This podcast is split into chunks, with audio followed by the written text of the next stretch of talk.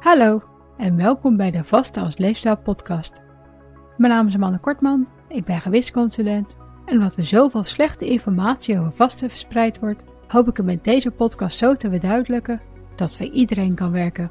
Je vast wanneer je langer dan 12 uur niks neemt wat vasten stopt, dus is makkelijker dan je denkt.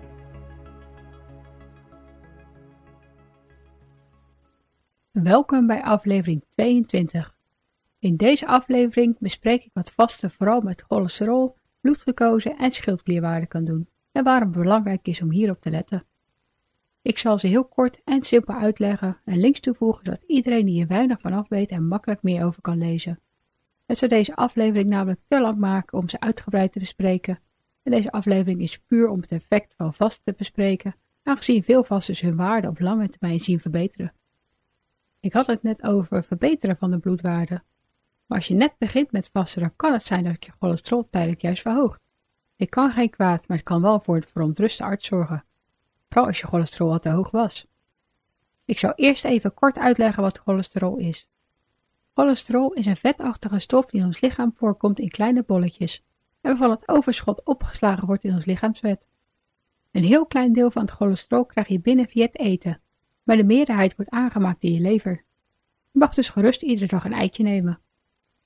Cholesterol heeft een slechte naam, maar ons lichaam gebruikt dit belangrijke stofje als bouwsteen voor de cellen en hormonen en voor de aanmaak van gal. Het is dus onmisbaar. Via een bloedtest worden er tijdens de bepaling van je cholesterolwaarde drie verschillende stofjes gemeten. Het LDL-cholesterol, het HDL-cholesterol en het triglyceride. Het LDL noemen ze ook wel het slechte cholesterol, omdat het in verband is gebracht met vernauwingen in je slagaders. Het HDL wordt daarentegen het goede cholesterol genoemd wat ervoor zorgt dat het teveel aan LDL-cholesterol naar de lever gevoerd wordt om afgebroken te worden. Het derde stofje wat ze meten zijn dus de triglyceriden.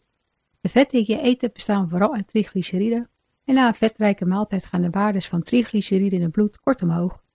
Langdurig hoge waarden van triglyceriden zijn gelinkt aan het ontstaan van slagaderverkalking, maar het effect is minder duidelijk dan bij het LDL-cholesterol en ook daar wordt nog veel onderzoek naar gedaan. Tijdens het vasten kan vooral de LDL-waarde tijdelijk verhogen. Dit komt doordat je tijdens het vasten in ketose gaat en dan je lichaamsvet, met vooral LDL-cholesterol, als energiebron gebruikt. Dit vinden ze dan dus letterlijk in je bloed terug. In de eerste studie die ik gelinkt heb, zagen de wetenschappers dat het cholesterol bij beginnende vasters al na 10 tot 12 uur vasten verhoogde. Dit gebeurt trouwens ook als je afvalt, zoals je in de tweede studie kunt lezen. Maar het cholesterol was gelukkig na 6 weken alweer 12% lager. Hoe lang je cholesterolwaarde door het vasten en of afvallen verhoogd zal zijn, lijkt erg persoonlijk. Maar zodra je op gewicht bent, zal het ook door het vasten niet meer verhoogd raken. De verhoging is sowieso niet extreem, maar je kan het dus terugzien in de bloeduitslag. Een goede manier om je cholesterol trouwens te verbeteren is om op een gezonde gewicht te komen. Maar laat er nou net een grote bijwerking van vasten zijn. Andere manieren om je cholesterol te verbeteren zijn natuurlijk gezond eten, voldoende bewegen, niet roken, zo min mogelijk alcohol drinken en stressvermindering. Ook vasters met de erfelijke vorm van de verhoogd cholesterol zien dat hun waarden beter worden. En sommigen kunnen zelfs met de medicatie stoppen. Doe dit natuurlijk alleen in overleg met je arts. Je neemt ze niet voor niks en het werkt helaas niet bij iedereen. Vast is ook erg interessant voor mensen met diabetes. En vooral zij moeten echt oppassen met de dosering van insuline en op medicatie. Diabetes, ook wel bekend als diabetes mellitus en suikerziekte, is een ziekte waarbij je heel kort gezegd te veel glucose in je bloed hebt. Dit komt doordat je lichaam minder gevoelig is geworden voor het hormoon insuline, of doordat je lichaam te weinig, of zoals bij type 1, helemaal geen insuline meer maakt. Het hormoon insuline zorgt ervoor dat de glucose, die vooral vanuit je voedsel in je bloed terechtkomt, in je cellen als energie opgeslagen kan worden. Type 1 is daardoor dodelijk als geen insuline ingespoten krijgen door het gebrek aan insuline kunnen ze glucose tenslotte niet als energie opslaan en hierdoor zullen ze langzaam maar zeker wegkwijnen. Bij type 2 wordt er meestal wel genoeg insuline aangemaakt, maar is het lichaam hierdoor diverse oorzaken ongevoelig voor geworden, waardoor de cellen niet alle in het bloed aanwezige glucose kunnen opslaan en dit ook deels in het bloed blijft zitten. Het overtollige glucose, oftewel suiker, wat je lichaam bij diabetes niet meer kan verwerken, zich deels aan de eiwitten die in je lichaam voorkomen dit zorgt onder andere voor stuggere bloedvaten. De belangrijkste lange termijn complicaties van diabetes zijn er ook problemen met de grote bloedvaten in je hart, hersenen en benen en de kleine bloedvaatjes in je ogen, nieren en zenuwen. Doordat het lichaam van diabetes dus niet goed om kan gaan met glucose, is koolhydraatarm eten een populaire manier om ervoor te zorgen dat ze minder medicatie nodig hebben. En sommige mensen met diabetes type 2 kunnen zelfs helemaal van de medicatie af, zolang ze zo blijven eten en op gewicht blijven. Koolhydraten worden in ons lichaam omgezet tot glucose. Zoals diabetespatiënt is het belangrijk om die hoeveelheid hiervan goed in de gaten te houden. Ga echter liever niet te extreem bij koolhydraten verminderen, aangezien de onbewerkte koolhydraten belangrijke bronnen van vitamines, mineralen en vezels zijn. De slechte naam die koolhydraten door de jaren heen hebben opgebouwd is onterecht, zolang je gaat voor de gezonde, zoals groenten, fruit, noten en volkoren granen. De koolhydraten die in koekjes, snoepjes en snacks zitten kunnen natuurlijk wel het beste zo min mogelijk nemen. En lees mijn blogpost koolhydraten eens door als je hier meer over wilt weten. Het handige van vast is dat je een lange deel van de dag helemaal geen koolhydraten en eiwitten en vetten binnenkrijgt, door er minder glucose in je bloed zit en er minder insuline aangemaakt hoeft te worden of ingespoten hoeft te worden. Ook vastere diabetici met auto-immuunvariant type 1 zien verbeteringen in hun bloedglucosewaarde en hebben daardoor vaak minder insuline nodig. Bespreek vast als diabetespatiënt dan ook altijd met je arts. De hoeveelheid medicatie of insuline die je nodig hebt is ook heel erg afhankelijk van je leefstijl. En als je dit niet in de gaten houdt, heb je een grote kans om de gevaarlijke lage bloedglucosewaarde, genaamd hypo's, te krijgen. Pas daarom vooral in het begin niet te lang en bouw je vastschema extra rustig op, zodat je goed leert hoe jouw lichaam reageert. Vergeet ook niet dat 12 tot 14 uur per dag vasten met alleen drie hoofdmaaltijden en geen tussendoortjes al veel voordelen geeft. En vanaf daar kun je altijd nog kijken of je in overleg met je arts je gemiddelde vastheid kunt verhogen. Heb je schildklierproblemen waarvoor je medicatie gebruikt, dan kan vasten de hoeveelheid hiervan ook beïnvloeden, aangezien de dosis vaak afgesteld is op je gewicht.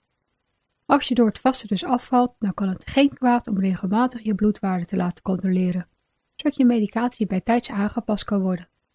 Veel schildklierproblemen zijn gelinkt aan auto-immuunziekten. En gezien het positieve effect wat vasten hierop lijkt te hebben, kan dit er ook voor zorgen dat je medicatie aangepast moet worden. Focus daarom ook niet alleen op je gewicht als jouw schildklieraandoening hieronder valt. Als je geen schildklierproblemen hebt, dan zegt de schildklier je misschien niet zoveel. Maar heel kort gezegd is de schildklier een orgaan wat in je hals zit, wat hormonen maakt. Deze schildklierhormonen zijn belangrijk voor onder andere de stofwisseling, de groei en ontwikkeling van het lichaam en voor je hersenen. De schildklierhormonen beïnvloeden daardoor bijvoorbeeld je eetlust en gewicht, de temperatuurregulatie in je lichaam, je energieniveau, maar ook je concentratieniveau en je geestelijke stabiliteit. Je snapt dus wel dat te veel of juist te weinig schildklierhormonen ervoor kunnen zorgen dat mensen aankomen of juist afvallen, het altijd koud hebben of juist warm hebben, en zich futloos of juist onrustig kunnen voelen. De standaard schildklierwaarde die bij een vermoeden van schildklierproblemen wordt getest, is de TSH. En deze geeft aan hoe goed je schildklier functioneert. Veel vasten zien deze TSH-waarde verbeteren. als je medicatie dus nog te hoog is, kan je dus niet lekker gaan voelen. Ga zoals altijd natuurlijk niet zelf je medicatie verlagen. Doe het alleen in overleg met je arts. Voor hetzelfde geld heb je ergens anders last van en komen de symptomen toevallig overeen met een te grote dosis schildkliermedicatie. Als laatste wil ik ook de bloeddruk nog even apart benoemen. Dit is geen echte bloedwaarde, maar doordat veel vasters hun bloeddruk zien verbeteren, is het belangrijk om ook goed op je bloeddruk te blijven letten, zodat je in overleg met je arts je medicatie bijtijds kan afbouwen. Ik wil je daarom aanraden om zelf een goede bloeddrukmeter te kopen, als je deze nog niet hebt, en ik heb een link van de Hartstichting toegevoegd met hun advies hierover. Hierdoor hoef je tenminste niet iedere week bij je huisarts op stoep te staan, want zo snel kan het gaan.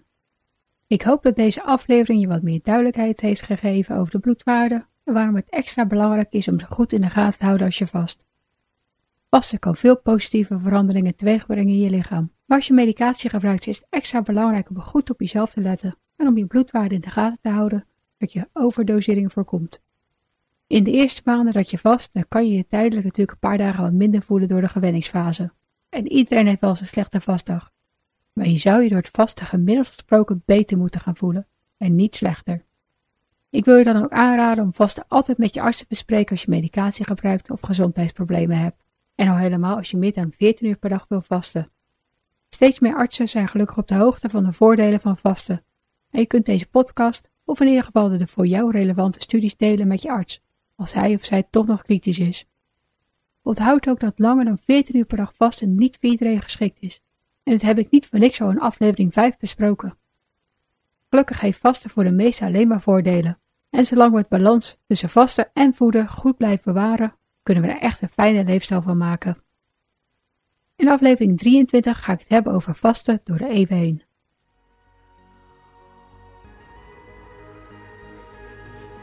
Bedankt voor het luisteren en vergeet niet dat je de onderwerpen en bronnen altijd in de omschrijving van de aflevering kunt vinden.